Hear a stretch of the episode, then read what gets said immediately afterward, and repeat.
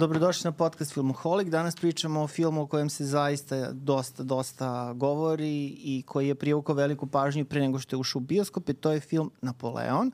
A, mogu reći slobodno čuvenog a, britanskog reditelja Ridleya Scotta, a, koji je sada već duboko zašao u devetu deceniju a, svog bivstovanja na ovoj zemlji. Ovo je negde otprilike 30. film, a o dometima a, Napoleona razgovarat ćemo ja, Đorđe Bajić, uh, Zoran Janković, znači to je ta klasična postavka filmoholika. Kritična masa. Kritična masa je postignuta, ali ovog puta imamo i jedan vrlo dragocen dodatak. Sa nama je istoričar Ivan Drljača, inače i sam autor jednog veoma zanimljivog istorijskog podcasta. Je li tako, Ivan? Tako je. Nema, kako se beše nema zove, greške. Kako se beše zove taj podcast? Historycast. Znači History Cast, Da. slobodno možeš da... History. History. To, Dobro. pronunciation je baš dobar. History. Ovaj, Ali, u svakom slučaju uh, pozivamo ljude da nakon što uh, pogledaju ovaj razgovor, uh, pogledaju i priču o Napoleonu i potpuno iz istorijskog ugla, pošto uh, koliko sam shvatio uh, u pripremi je i podcast na tu temu, je li tako? Da, jeste. U pripremi je podcast temu Napoleona na Historycastu koje će raditi moje kolege. Aha, dobro. Znači ti si ekskluzivno kod nas sada.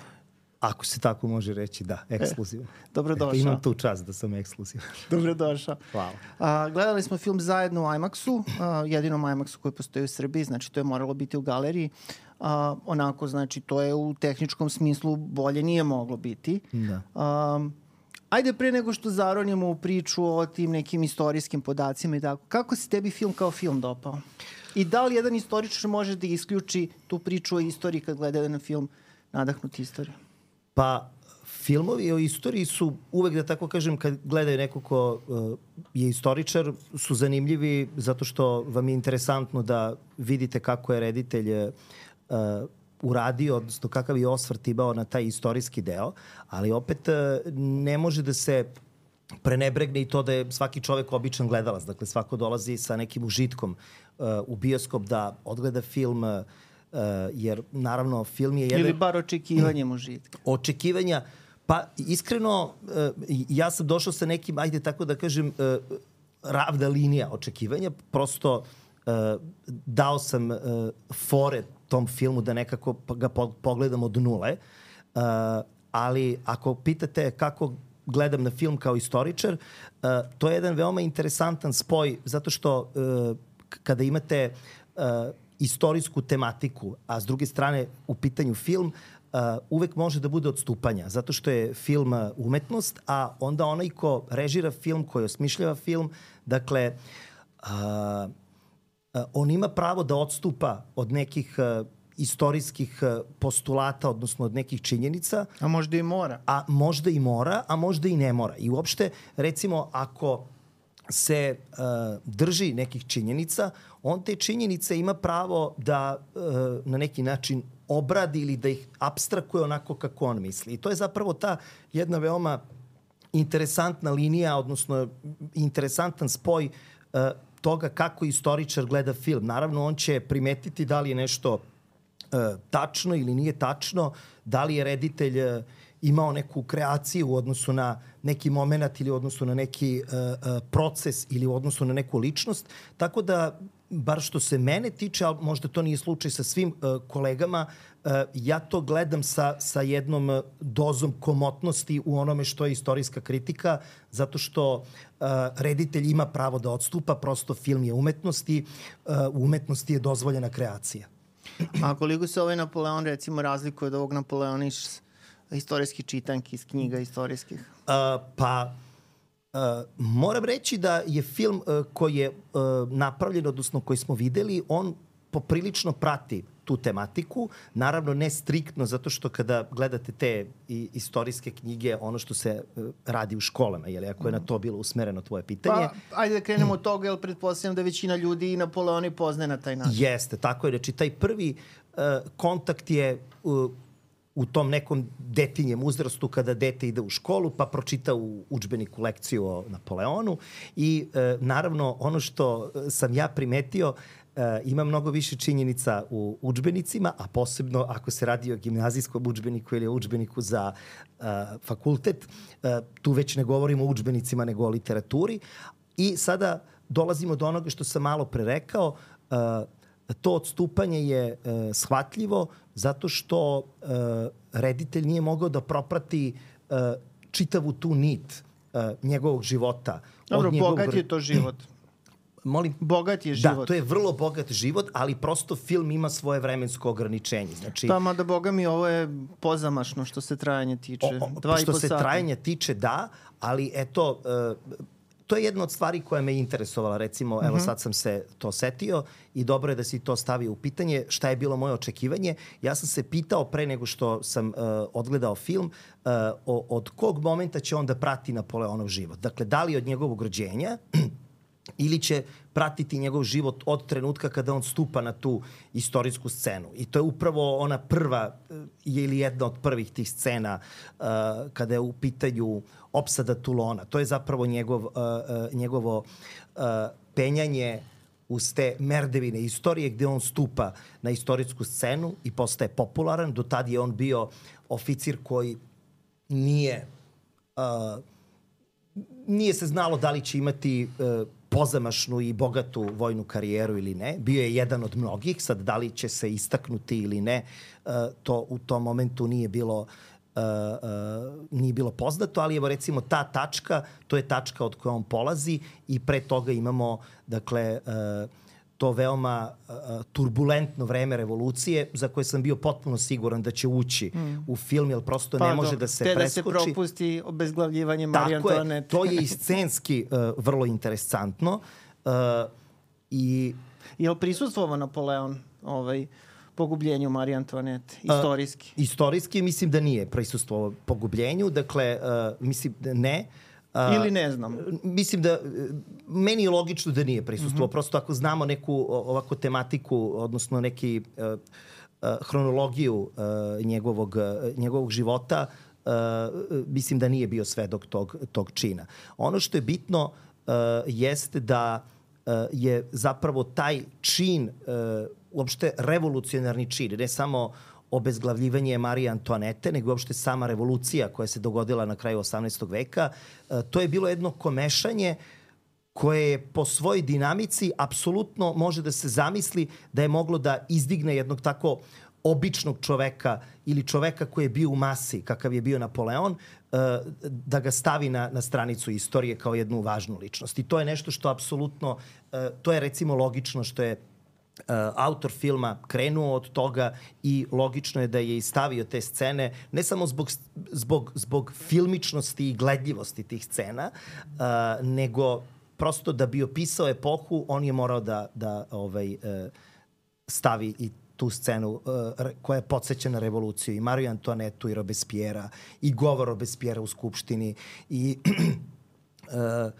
njegovo ubistvo, odnosno pokušaj da on sam sebe ubije. Uh, pa posle i njegovo obezglavljivanje.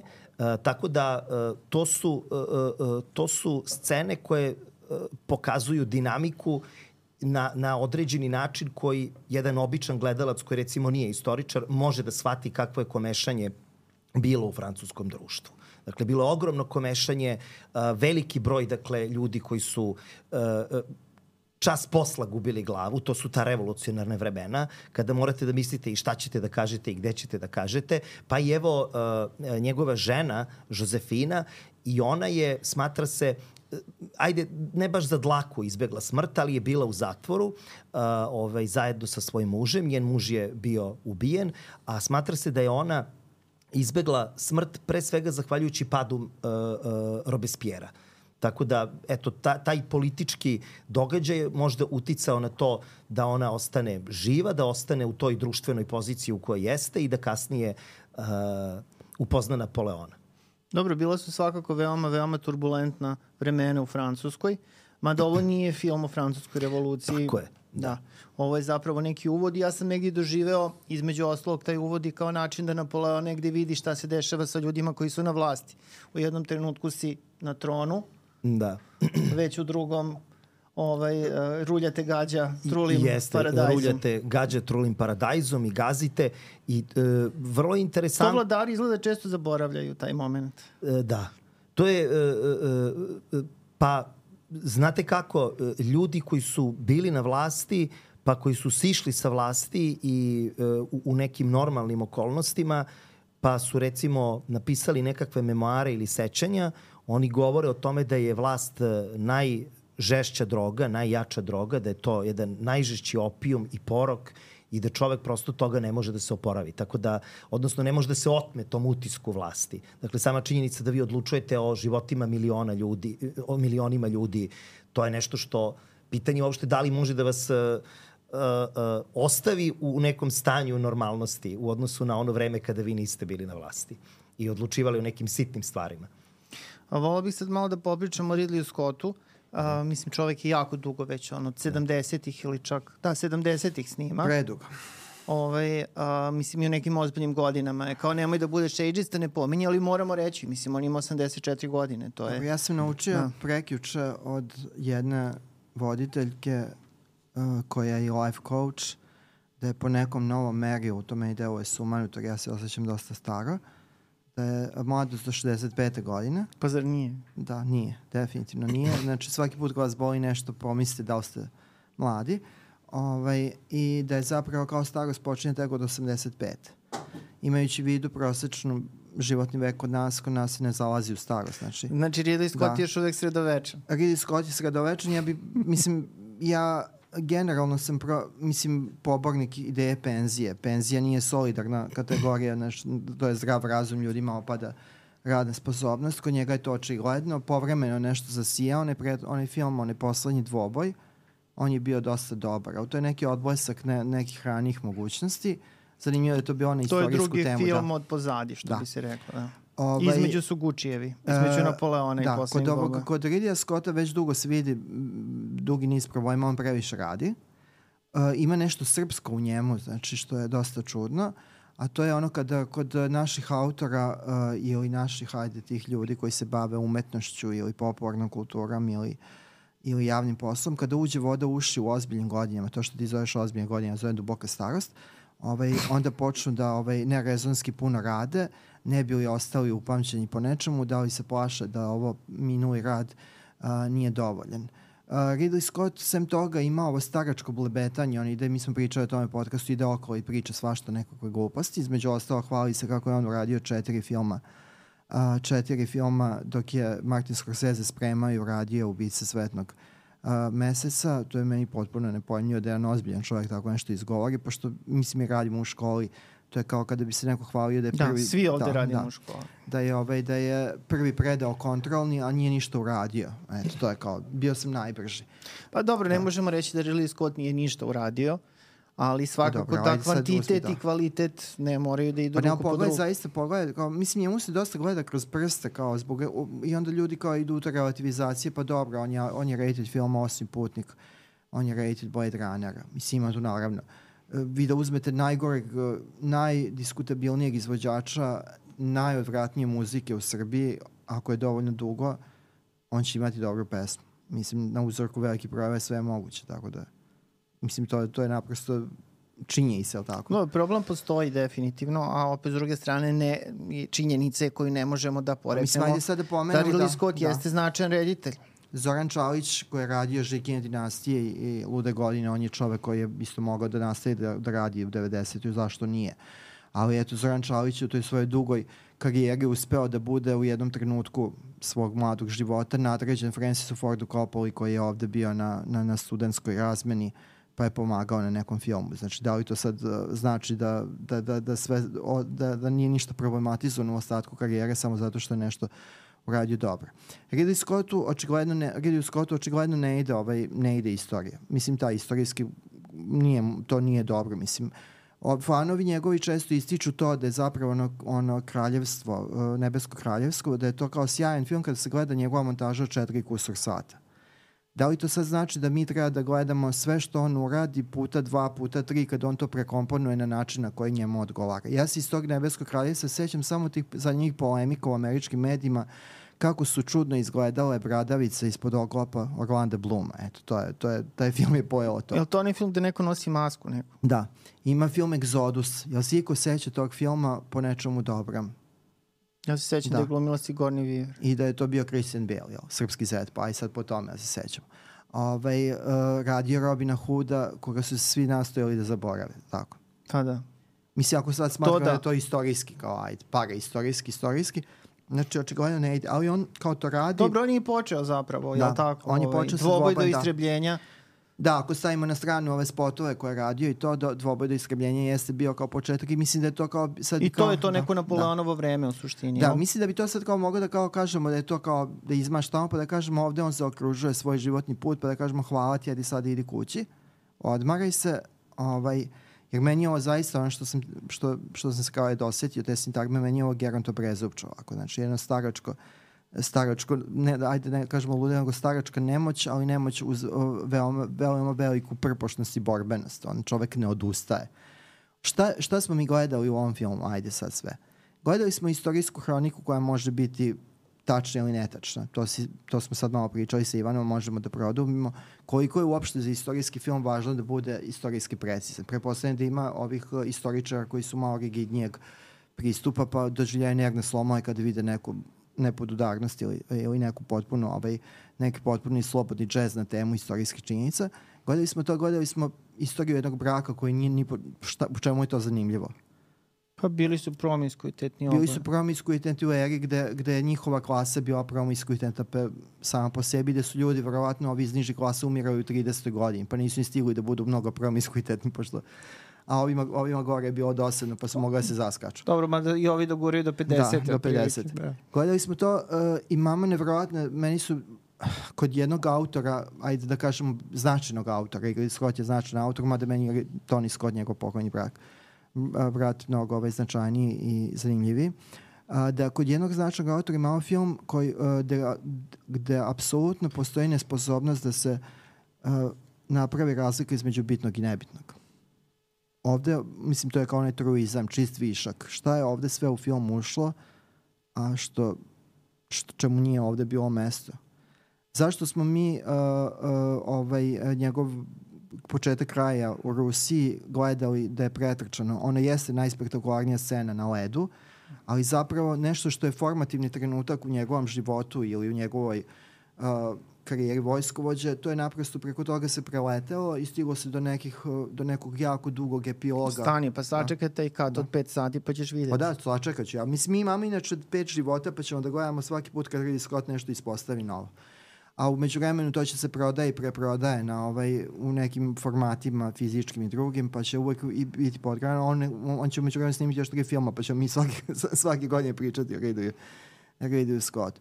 Ovaj, ne, meni je potpuno nepojmljivo da je do te mere, ovaj, do te mere nema ovde razlike između onog što je suštinski važno i što je efemerno. Mislim, jer to je, to je, to je poenta istorijske priče, da je jednu faktografiju koja je očigledno bogata, otrebi i da ostavi ono što je suština filmske priče. Ovde, ovo je sve, ovo, ovo je, ovo je, zaista ovo je meni dodatno bio i taj srpski utisak da smo gledali ili nabučeni trailer od dva i po sata, ili smo gledali komprimanu verziju nečega što bi mogao bude serija za Telekom. Da, odlično si to primetio. Ovo zapravo izgleda kao ovaj srpski recept. Da. Jeli? Znači, iz serije izmontiran film. O, zato što brzo se prelazi, čak i prebrzo preko nekih stvari koje delo jako zanimljivo, a i važne su. A sa druge strane, film traje dva i po sata. To je, mislim, zaista jedno onako izdašno trajanje filma. Tako da imamo onaj, uh, onaj utisak koji je u srpskim filmovima sad u poslednje vreme često, to je da je film i prekratak i predugačak istovremeno. Da. I to je dosta veliki problem. E sada mi ovde možemo, to si ti sad primetio, da primetimo te dve stvari. Znači taj privatni život Napoleona i taj njegov život, jeli, ovaj, ajde da kažem, profesionalni, recimo. A, a koliko su, Ivane, a, to, me, to me zanima i o tome i ne znam toliko puno, a, a, koliko su zapravo, su se, koliko su se ta dva života preklapala u, da. i koliko su Kako su uticali jedan na drugi. da. Da. Imamo malo u filmu o tome, ali... Da. Pa, uh, uh, ja moram prvo da uh, se referiram na nešto što si ti rekao, dakle u smislu da je reditelj nije imao uh, nije imao tačnu, da tako kažem, tačno opredeljenje na šta, na šta hoće da se fokusira, da li na istoriju ili ako sam ja to Da, da, možda to je tako to, pa shvatio. između- između ostalog da, to, da, da, da, da, da, da, da shvatio, bude moja da. interpretacija.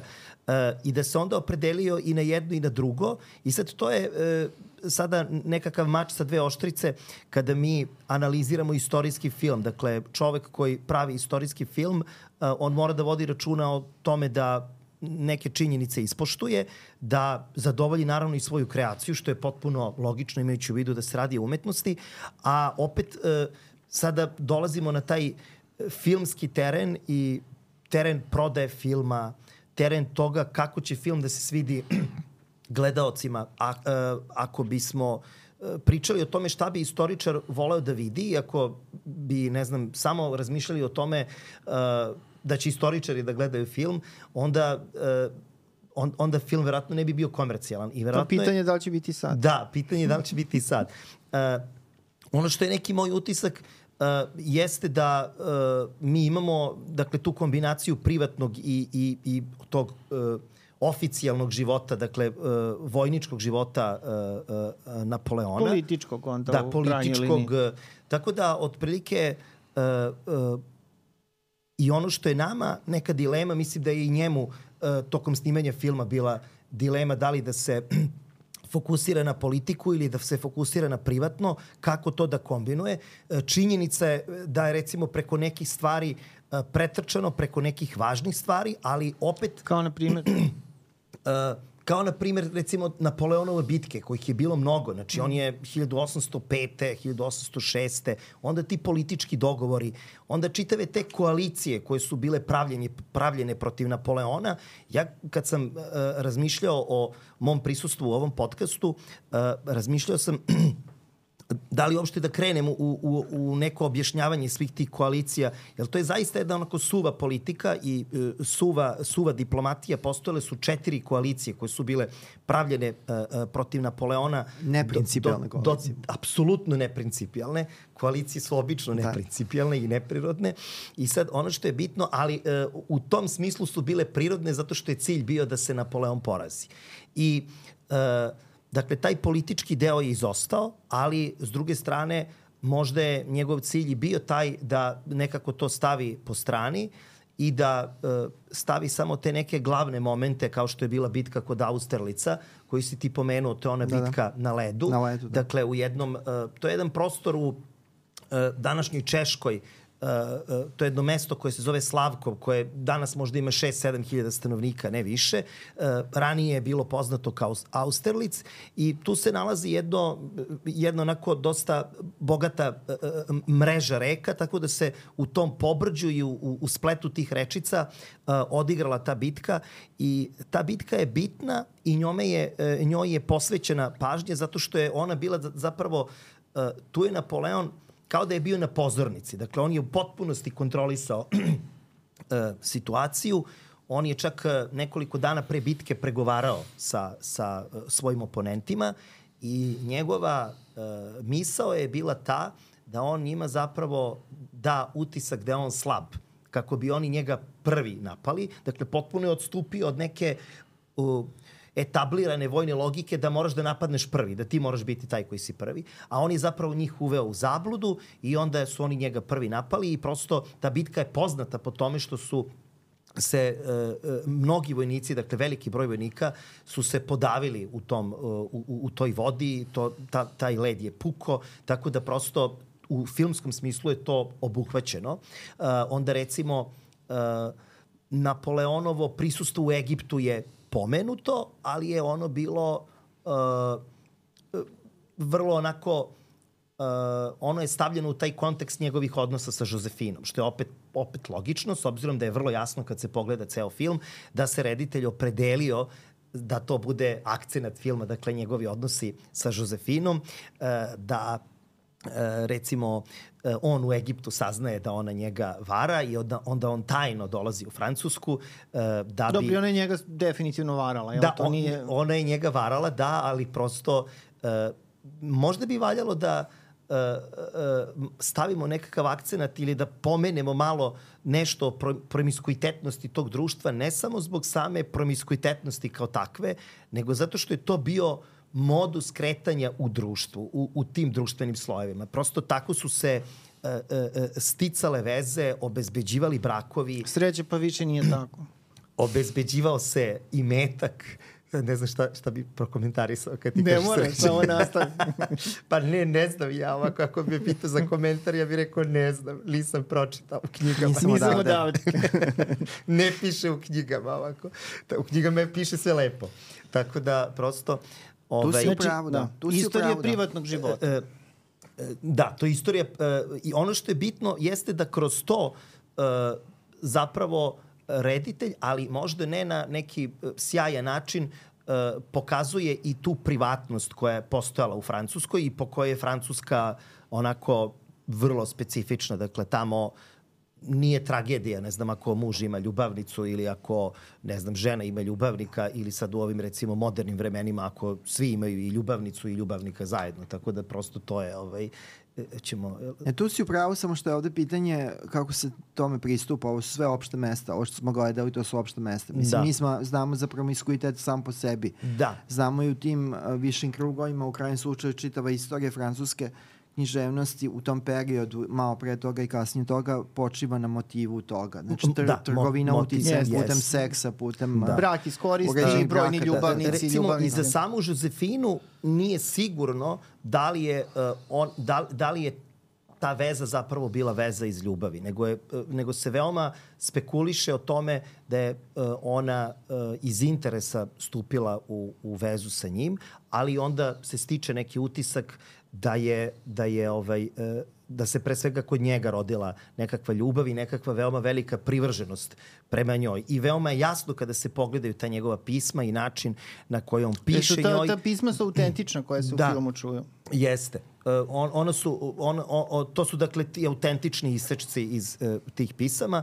Ja sam uh, negde uspeo da nađem još nešto što možda u filmu nije, nije prikazano ili za što se a, reditelj nije opredelio i tu se zaista vidi ta jedna njegova privrženost njoj i jedna ljutnja njegova onda kada on saznaje uh, da on nju vara Ona i njega. gde on nju grdi, ali onda u, u poslednjim redovima tog pisma on kaže da on jedva želi da je vidi, da, ček, da, da je prosto ono uh, ovaj, uh, ushićen. Uh, tako da se vidi ta jedan am- ambivalentna uh, uh, ambivalentan osjećaj njega, njega prema njoj. Tako da, Ono što u filmu svakako saznamo jeste da je seks bio loš. Pa po današnjim merilima i po onom što smo naučili od filmova, to je loš seks. Ali kao to ne mora da znači da je nužno. A šta misliš, Zorane, čemu te scene seksa? Mislim, on, one su Pa ne znam, znaš kako donekle da- neočekivane, opet Pa, dobro, mislim kao ti imaš ovaj, uh, to kao obično se kao, sad opet pričamo o opštim mestima, to kao sladostrašće se obično vezuje za starije ljude, kada već opadnu polne ovaj, moći i ostalo, pa i malo često kod ili kada starih, se stekne neko veće iskustvo. mislim opera. Uh, mislim da često kada gledate film starog, uh, starijeg reditelja, ajde vremešnijeg, ili kako smo već utvrdili u ranijim podcastima, hronološki obdarenog, ovaj, Uskraćenog. u, ne, obdarenog, hronološki obdarenog, dugo je tu, da. okej. Hronološki obdar, ne mora se svakog da se da bude uskraćen. Znači, kada gledate, često bude to, tog sladoskraća, u smislu mi imamo i filmove srpskih reditelja u ozbiljnim godinama koji samo gledaju kako da skinu glumice, bez ikakvog povoda, jel tako? To je ovaj... Ajde To je da se već da, da. čest, već čest slučaj. Ovaj, a, pa se onda oni ti filmovi često, iako do, ako su naprimjer istorijske drame, dolaze kod onog, do one Tarantino, one obsesije, ona kao Tice Nes ili tako kao. Dobro, kod Tarantina da, su su stopala. stopala, ali Da. mislim isti je pristup. Ali uh, zapravo problem ovde, uh, mislim možda sam pomenuo to što su ovde sve ovde i to kako način na koji je prikazan dinamika njihovog odnosa. Naravno svaki odnos koji je dugovečan a je ličniji, intimniji, on je ambivalentan, u nekom trenutku postaje ambivalentan, to je, to je naprosto tako. Ne Koliko su, oni, uopšte- koliko su oni skrpili zajedno na kraju, ovaj Napoleon i Josefina? 15. godine, da, da, 15. Ovaj, godina. tako da ovo su sve, uh, sve svedeno na nivo opštih mesta. Uh, čak i ta psihologija junaka, ja sam mislio da će biti, a dobro je što nije tako, eto to je neka pohvala za film, da ćemo mi gledati uh, Napoleona u smislu psihološkog por- portreta i uz išči- ušitavanje ovog vremena, kada se ljudima iz nekih drugih era pripisuju pripisuju uh, uh, neki modaliteti ponašanja ili neke nedostatnosti u njihovom uh, mentalnom sklopu i, psi, i u duševnom, uh, duševnoj postavci, uh, mereno sa našim aršinima. To srećom ovde nije slučaj, ali ovo je jedan kroki. On je Edipovac, uh, muškarac koji je nesiguran, uh, koji uh, skloni manipulacijama, ali često i žrtva. Manipulacije ne dobijamo a, ništa novo. Ali meni ono što je porazno ovde, uh, a to vuče na Camerona, na primjer, samo što je on mnogo manje ubedljiv, da je čitavo ovo što je kao polemika, da li je ovo film o odnosu uh, Josefina i Napoleona zapravo uh, ili je film o njemu kao vojskovođi, da je, uh, da je zapravo čitav taj deo filma izgovor da bi se bavili uh, tim prikazima istorijskih bitaka koji sem ove bitke kod Australica i nisu toliko ovaj, nešto toliko fascinantni da bi opstali.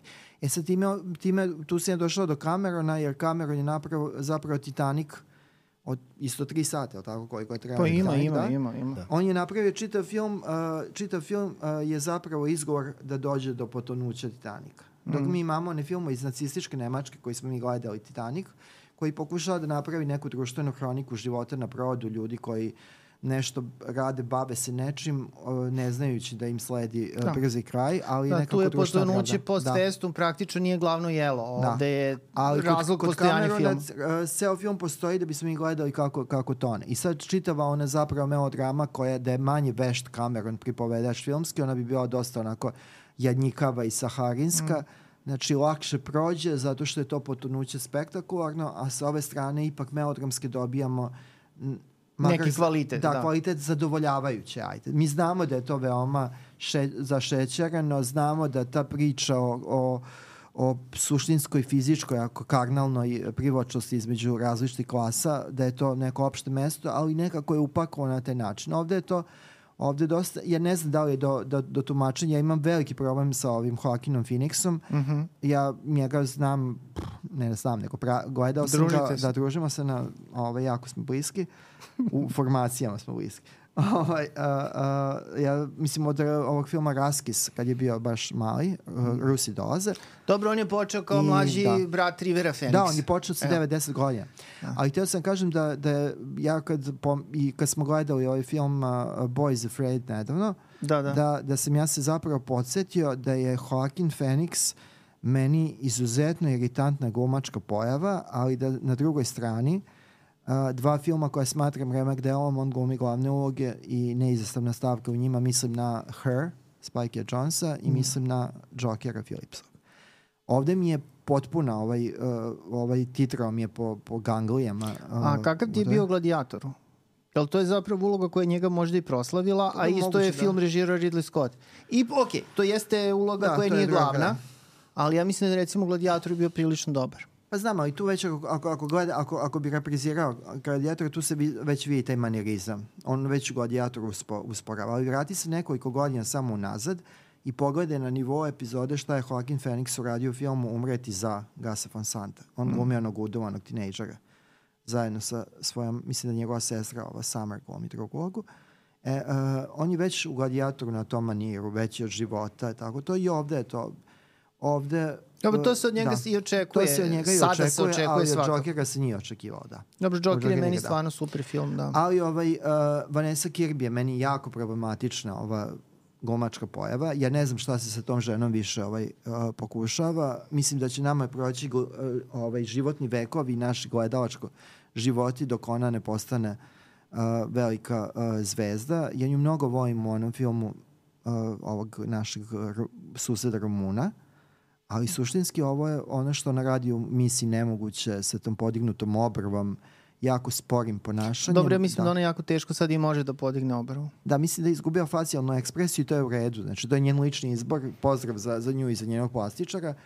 Ali, ovaj, uh, da, ali ovaj, meni je ta dinamika njihovog odnosa ovde bila ne samo opšte mesto, nego jedno dvoje iritantnih ljudi u nezanimljivom međusobnom odnosu. Da, Mi smo- veoma iritantnih, da. Bez ikakve smo, iskrene da, emocije. Shvatili smo mi taj odnos iz prve, je li tako? Da. Sad, kod ti njega je to u pravu, zapravo da. taj karnalni neki deo bio, čini mi se tu dominantan. Pa Da. dobro, ona, Da. ovo je, ona, ona hoće, on može, opet se vraćamo na to. Mislim, suštinski. Ali ovaj, uh, uh, uh, problem je što mi, ovaj, uh, meni je problem uh, što taj odnos uh, u smislu filmske priče ne evoluira. Mi ih vidimo, oni su postavljeni na tim odnosima i javlja se neka bliskost. Sad kao pitanje ovo što je Ivan rekao, da li je to bila bliskost koja je naknadno se javila nakon nekih ugovornih stvari. Dobro i proveli su tolike godine zajedno, mislim, Da. nešto Dobro, se moralo tu... I, ne, Robiti, i, da, i ono što je, ja sam čitao onu knjigu kad sam bio A mali. da nije dete. Ovom, a, o prethodnom, ovom, a, to je ovaj film, ova- novelizovan ovaj prethodni film Josefina. I tu je zapravo mnogo jasnije da, da, da, da, da je njihova dinamika bila uh, da je imala koran u tome da su oboje bili nepopularne ličnosti. U Da. smislu, on je bio cenjen kao vojskovođa, ali i unutar te svoje vrhuške je neko ko nije bio voljen, suštinski Da. voljen. A i ona je bila prezrena ne samo što je udovica iz, iz visokog staleža, nego zbog svoje obesnosti.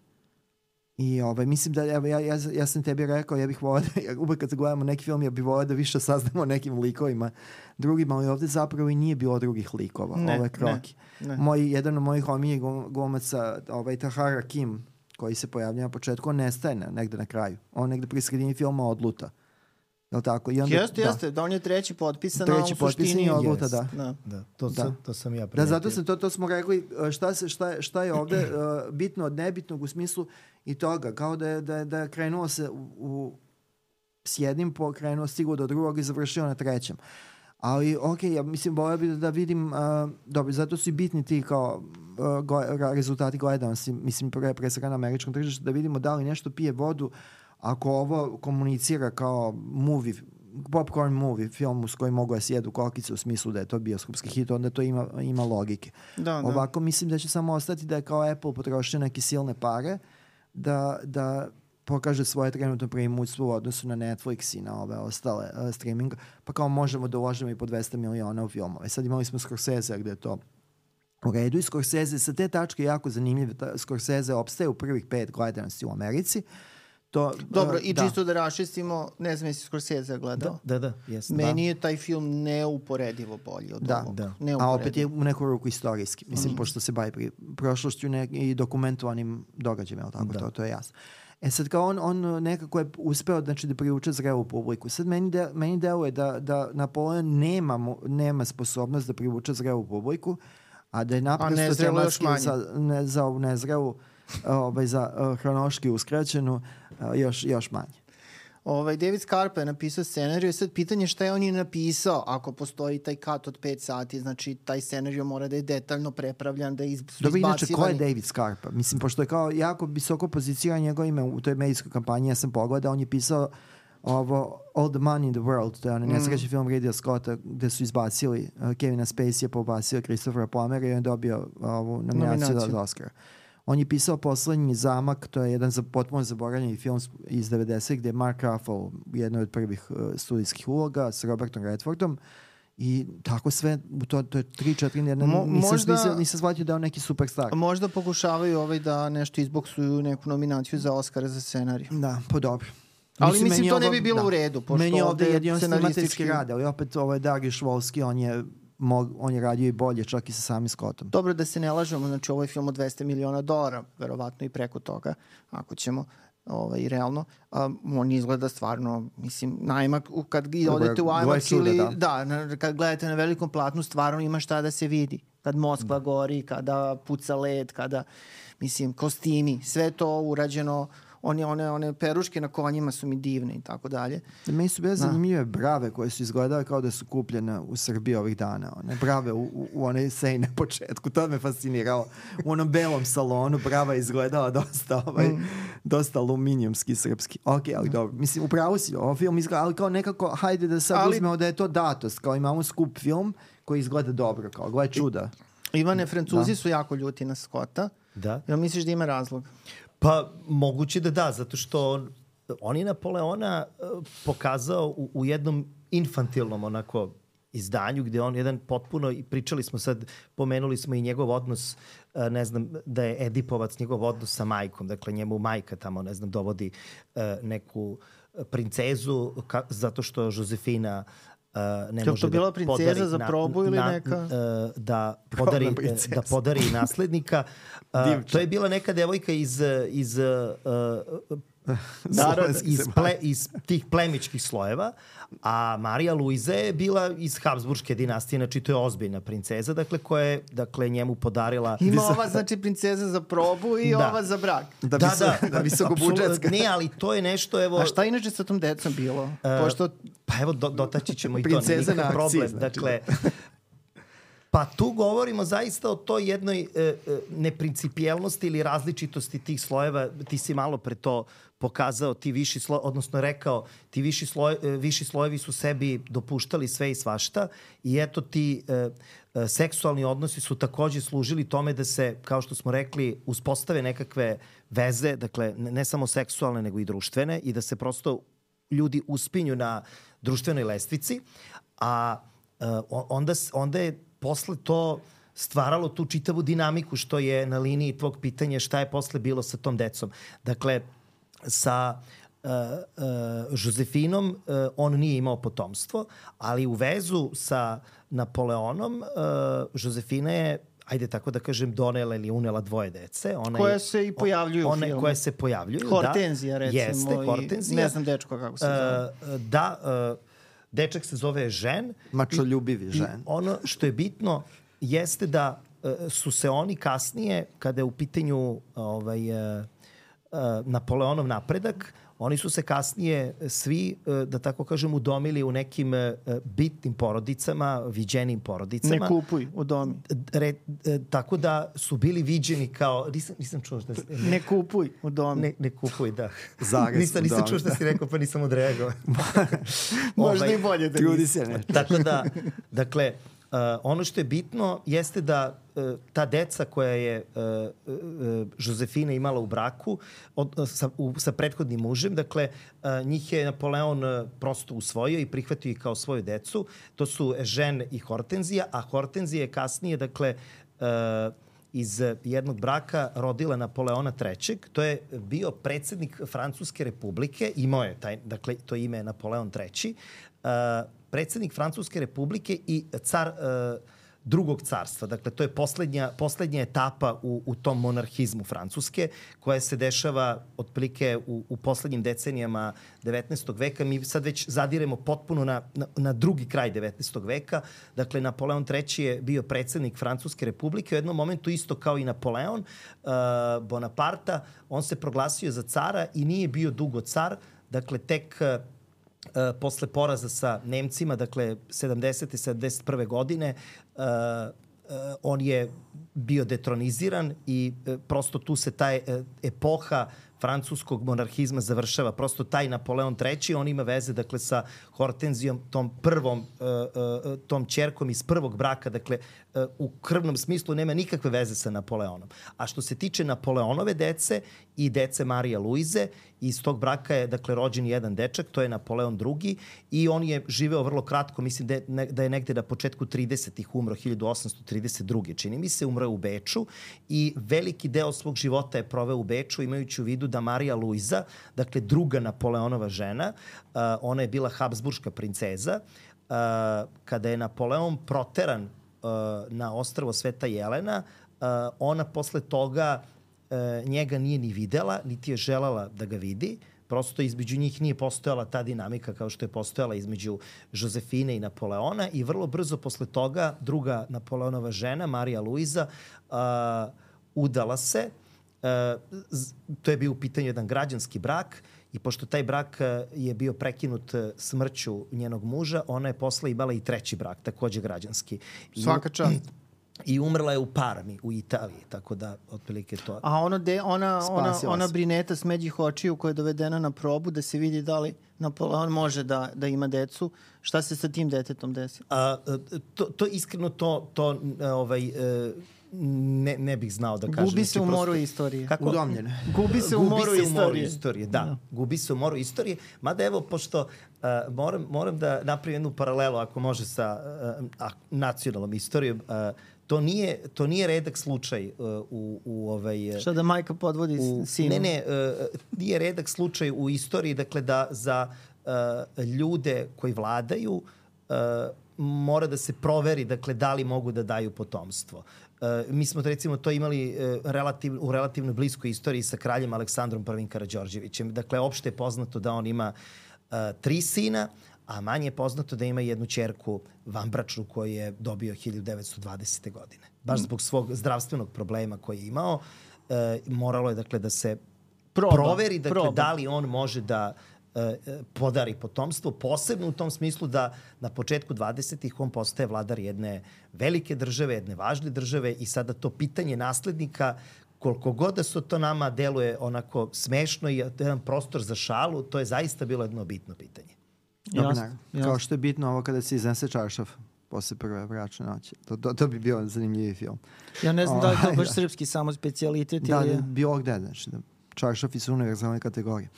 Ovaj, a, meni je zanimljivo da, evo, mi smo gledali, a, mislim da je bilo prošle leta, onaj film Korsaž, Korset o Sisi.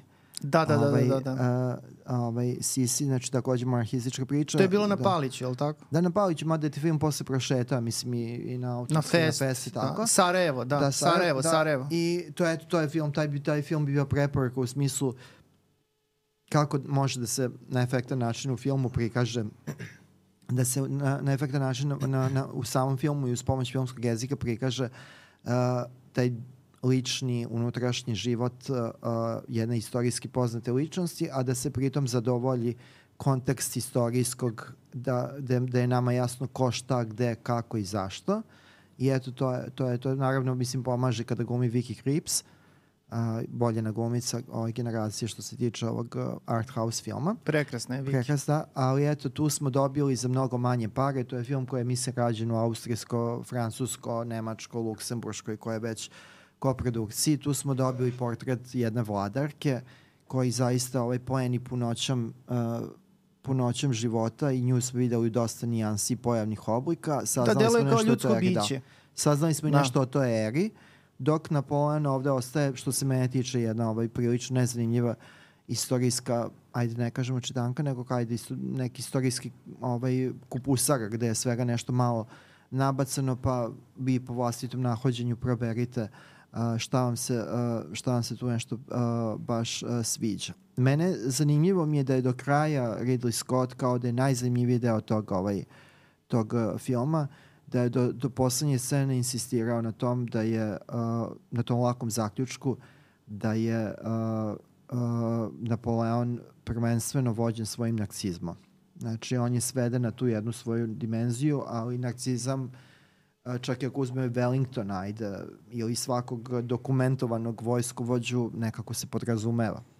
Bez Mm. velikog ega nema ni velikog uspeha na tom na tom planu, a onda nema ni mesta u istoriji bez obzira da li. Meni je teško ovo, ovo što smo ti i ja pričali da shvatim šta je ovaj uh, šta je uh, kada imamo opciju uh, kada imamo mogućnost to jest kada moranje da da da lociramo zašto neki film gledamo u nekom trenutku, zašto se on javlja u nekom trenutku, zašto, mi, zašto smo mi 2023 pred kraj godine gledali film uh, o, uh, o Napoleonu, a da to nije potreba da pričamo u ovom podcastu. Pa znaš Znači, šta, koja je veza sa ovim trenutkom? bila je ta neka priča dok je film još bio, dok, dok, dok su ga snimali, da je to zapravo neka vrsta parafraze uh, priče o Putinu. E sad, ja iskreno rečeno, da. ja mislim da je to užasno Mislim. nategnuto, mislim, ako uporedimo te biografije, Mislim, možda je bilo poštenije da onda Ridley Scott radi film o Putinu. Mislim, Jasno. ne znam šta bi ga sprečilo. Da. Mislim, ta alegorija mi je ovde apsolutno nejasna. To Mislim, je kao, ne vidim to, koja je to, to, da. to se sećam dobro da je to bila priča. Kao eto, kao priča o Napoleonu je zapravo priča o Putinu Priča koja o će najaviti njegov Da. pad. Da. Kao, jel? Da.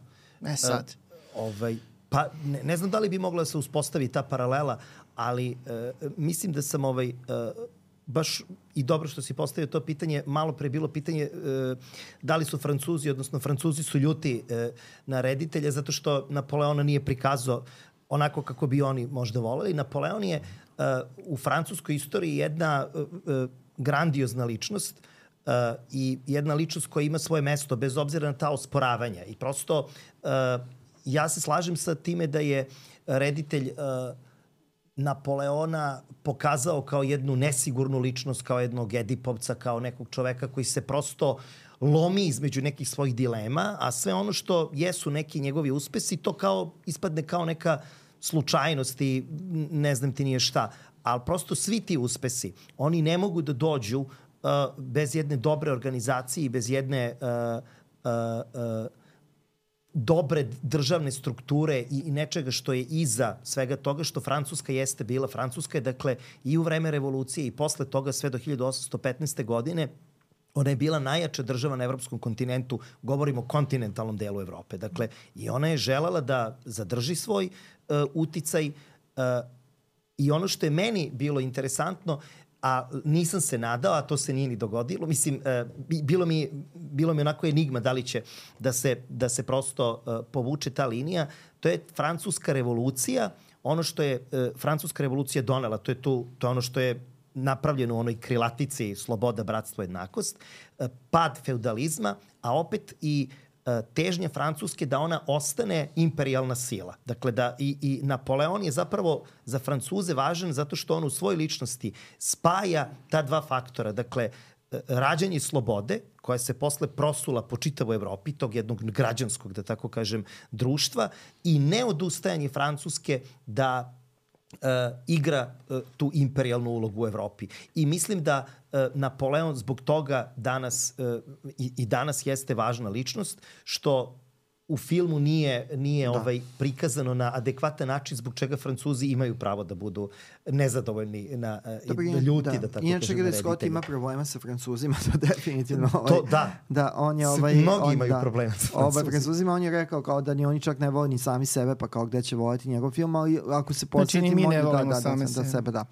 A ovaj, pa mi smo Francuzi, da. Kad malo bolje razmislim, svi smo Francuzi. Pa pre bi bio Francuz nego Englez. Ali ovaj, a, htio sam kažem da on ima i onaj nesrećenu melodramu sa Russellom Kralom gde ona dobra godina koja se dešava u Francuskoj kada Russell Crowe dolazi da predahne od svog života poslovnog No, to je grozan čoveka. film. To je zaista jeziv film. A ovaj, što nije važno, nego htio sam se nadovežem na ovu priču, na tu kao, ajde, to metaforičku nit koja povezuje Napoleona sa Putinom. Jako je zanimljivo implicitno što ovde dobijamo. Znači, ako je uh, Napoleonov kraj došao, uh, počeo na istoku, znači prvim posretanjem na istoku, da li to znači da sa tačke gledišta Evrope svako ko udari tamo potklizava kasnije. Znači, no, jako je zanimljivo kao da se analizira u tom smislu šta ja mislim da sad malo zalazimo preduboko, jer ovaj film nema tu dubinu, nije nas u, mene nije lično uverio da tu ima nekog dubljeg promišljanja, nego je naprosto jedan iznuđen spektakl. Čovek koji je u ovom trenutku karijere može da radi šta god želi, odabrao da radi ovo, uradio na način na koji na koji misli da je dobro, a pritom to je treći, četvrti film na istorijske teme gde, da njemu to ne baš ne polazi za rukom, ali evo šta smo stekli iz njegove, čist, e, kao utisak iz svih njegovih medijskih nastupa, da je on e, dosta blizak i ovdašnjem poimanju, mislim, ne samo kod nas, nego kao dobrog dela javnosti kod nas, da ljudi nemaju traumu krajnjeg proizvoda svog truda. Znači, ja, mi, ja sam stekao utisak da Ridley Scott će naprosto za mesec dana, dva početi, ako već nije, da snima nešto drugo. Da, da. Ne, I ne, da ni- snima da. Gladiatora 2 već. Da, i da, da, snima već Gladiatora 2 i mislim da posle Gladiatora 2, da kažem, već nešto i treće, četvrto, Sigurno. peto. I da nema tu traumu uh, šta će biti na kraju, uvek može to medijski nekako se izvrti. Filmovi sada imaju duži život u prikazivačkom smislu, sve i da uh, ne prođe sjajno u bioskopima, on ima gde da igra, ići će na taj Apple, mogu da idu priče o, o broju preuzimanju broja otvaranja, on ide dalje. To je, mislim, vitalistički u smislu imaj, imajući vidu da on ima 85 godina, ali uh, u smislu onoga što mi kao gledalci dobijamo, naprosto nije dobro da on ima dva filma godišnje, od kojih jedan, mislim na Gučijeve, može da prođe, a ovaj Napoleon je Ne znam, meni su. Gučevi jako teško pali. Pa sta i meni su teško pali u poređu s ovim da li što je sve život. Poslednji gleda. dvoboj mi se dopao, Da. ali Gučijevi su mi bili baš loši. Ali to nema, ovaj, uh, htio sam samo da je poente to, da je poente da je, on nije mnogo, ovaj, ne, mnogo ga ne, ne boli to šta uradi na kraju jer ide dalje. Mogu ja da Da kažem prosim. nešto što mi se dopalo u filmu? Pa ako je o bojnim informacijama, jedva čekam. Pa mislio sam da to preskoči malo sad, već kad si ovaj, se namesti. Da. Namesti. Ovaj, da. Uroš, sed, sed. A, aluzivno. Se- Ne, Sec. neću da Što? steče 100%. Nemoj. Znači, Što se mene evo, tiče, vidiš ne. da- Ne. Ima neki čudan, ima Evo, ja neki, moram dugo da se smijem da bi ga Slobodno. ponukao da ovako sad mora. da- ima Ne, neki čudan mnogo- prevod u, u filmu, ali da, neka Pa formacija je pom- čudno prevedena. Ajde da pomenemo. Ali nisam znači- to hteo da kažem. Ajde, reci pa ću ja reći. Dobro. Ovaj, Rupert Everett. Rupert Everett je britanski glumac koga ja jako volim i koji između oslog a, poslužio i kao, a, da kažem, a, vizualna inspiracija za lik Dilana Doga, koji je moj omiljeni stripovski lik svih vremena. Uh, I on je sad u nekim ozbiljnim godinama. Uh, nešto, recimo, u poslednjih deseta godina je malo preterao sa tim nekim botoksima i tako dalje. Dosta se onako izobličio i ovaj, drago mi je da ga vidimo u ovom filmu sa nekim normalnim licem u smislu da on sad jeste čovek u ozbiljnim godinama. On ovog Wellingtona glumi, jel tako? Ovaj, on je čovek u ozbiljnim godinama, mislim, vidi se da je stariji čovek, ali mislim, deluje onako dostojanstveno i ovaj, to mi je recimo bio ovaj, a, jedan, jedan pozitivan usp, u, utisak i lepa je uloga. Mislim, ona nije Jeste. prevelika, ali je Upečatljiva. prilično upečatljiva i važna. Da. Tako da, eto, Dobro. to mi je, to mi je baš drago. Ali ima romantizovanje te pozicije gde zapravo znači Wellington se prikazuje kao dobri duh koji svog uh, suparnika kao... Pa ne znam baš da, li je dobar duh, deluje prilično nadrendan. Pa ne, kao poštede mu život i tako, to je malo već, pošto ta scena definitivno je ubačena da se ovaj da se malo propere taj ovaj Dobro, njegov život je ovaj pošteđen samo da bi ga poslali Da. u izgnanstvo. Jeste. pa, ne znam, imali su giljotinu, što da ne mislim. Pa mislim- E, pa i bila je i ta varijanta prosto, ali ovaj nekako Ovo je bilo elegantnije. Uh, ovo je bilo, uh, to proterivanje njegovo je bilo elegantnije i isto tako to je bilo veoma ponižavajuće za Francusku, jer je time prosto stavljeno do znanja Francuskoj da ona sada u jednoj poziciji drugorazredna u Evropi. To nije trajalo dugo, ali sad da ne zalazimo u neke druge teme, to je zaista taj poraz Francuske uh, posle 1815. godine, on je izazvao jednu traumu u Francuskoj uh, koja traje jako dugo, a onda se posle ona još produbljuje sa jačanjem Nemačke i uspeva da se nekako tek na početku 20. veka Francuzi nekako de od, od, od svega toga a unutar same Francuske ima mnogo uh, turbulentnih događaja, dakle, republika, monarhija i tako dalje. Tako da, definitivno, ta 1815. godina jeste bila uh, godina kada je Francuska stavljena nekako u, u, u drugi plan i prosto njima je rečeno vi ste poraženi i vi ste sad i dalje ste evropska sila, ali prosto morate uh, nas da pitate za, za sve drugo, a to se posebno odnosi na te revolucionarne ideje koje su dolazile iz Francuske. I veliki Napoleon je bio simbol tog poraza u suštini. Da, Dobro, mislim, Francuska je i danas bez sila, tako da to ona nije u tom A klubu definitivno. Nemoj tako Macron da te čuje. Šta, šta poslać baku na mene. ovaj, a, a, hteo sam da kažem da ovaj, kad si promenio već Ruperta Everetta, ja moram, to, to mi je ovaj struka, pa da ukažem da Rupert Everett odlično piše i Jel? ima već nekoliko knjiga a, memorske proze. Ja sam čitao onu do kraja sveta. I su eksplicitne. Da, prilično. Ove, on ima uzbudljiv život uh, uh, i odlično piše, zaista vidi se to dobro obrazovanje klasično koje je on imao. Uh, na- vidi se da je imao kontakta s izučavanjem ozbiljne književnosti u tim mladim godinama. Tako da, eto, pročitajte to. Ovaj, uh, ko može da, da pročita neku od knjiga Ruperta Everetta, a ovaj, uh, ja sam Je hteo... li prevedeno nešto na A, srpski? nije, nije, ni- ništa kod nas nije prevedeno, ali Eto ideje. ko može ite ideje. A ovaj, uh, kad smo već kod Ruperta Everetta i engleskog jezika, da pozdravimo i prevodioca filma Napoleon uh, uh, sa najzabavnijim trenutkom u filmu, gde je jedna vo, vo izraz formacija koja se zove Square, Military Formation Square, preveden kao ovaj, u dva navrata u istoj sceni do duše, sa formacija kare. Eto, to nas, to nas je silno obradovalo. Možda kare. Kare, uh, znači formacija kare. Ovaj, a, a odnosi se dakle na square. Dobro, ovaj neki kritičari ovaj, kažu da Napoleon može se gledati kao komedija, tako da da. u tom da, kontekstu to ovo se lepo Da, uklapa. da, nepošteno je to, pošto ti kritičari dolazi iz sveta nezavisnog filma i jedva su čekali da, ne, da se ovako nešto pojavi. Da bi mogli da... Pa da poentiraju, da. Ali dobro, mislim, poenta toga je da, e, kao i svakog puta kada smo mi u pitanju, da idete i da pogledate film. Znači, ovo Ne, nije ne, idite, da. gledajte film na velikom platnu, neće Ridley Scott snimati još 100 godina. Pitanje je koliko još ima filmova ove Da. koje će moći da ponudi. Ovo jeste film događaj, to možemo svi da se... Da, i obratite ovaj, pažnju na prevod, jel tako? Da. Obratite pažnju na prevod, uživajte u prevodu i uživajte u spektaklu. Da, i hvala Ivanu što nam se pridružila. Hvala Puno hvala. Hvala vam.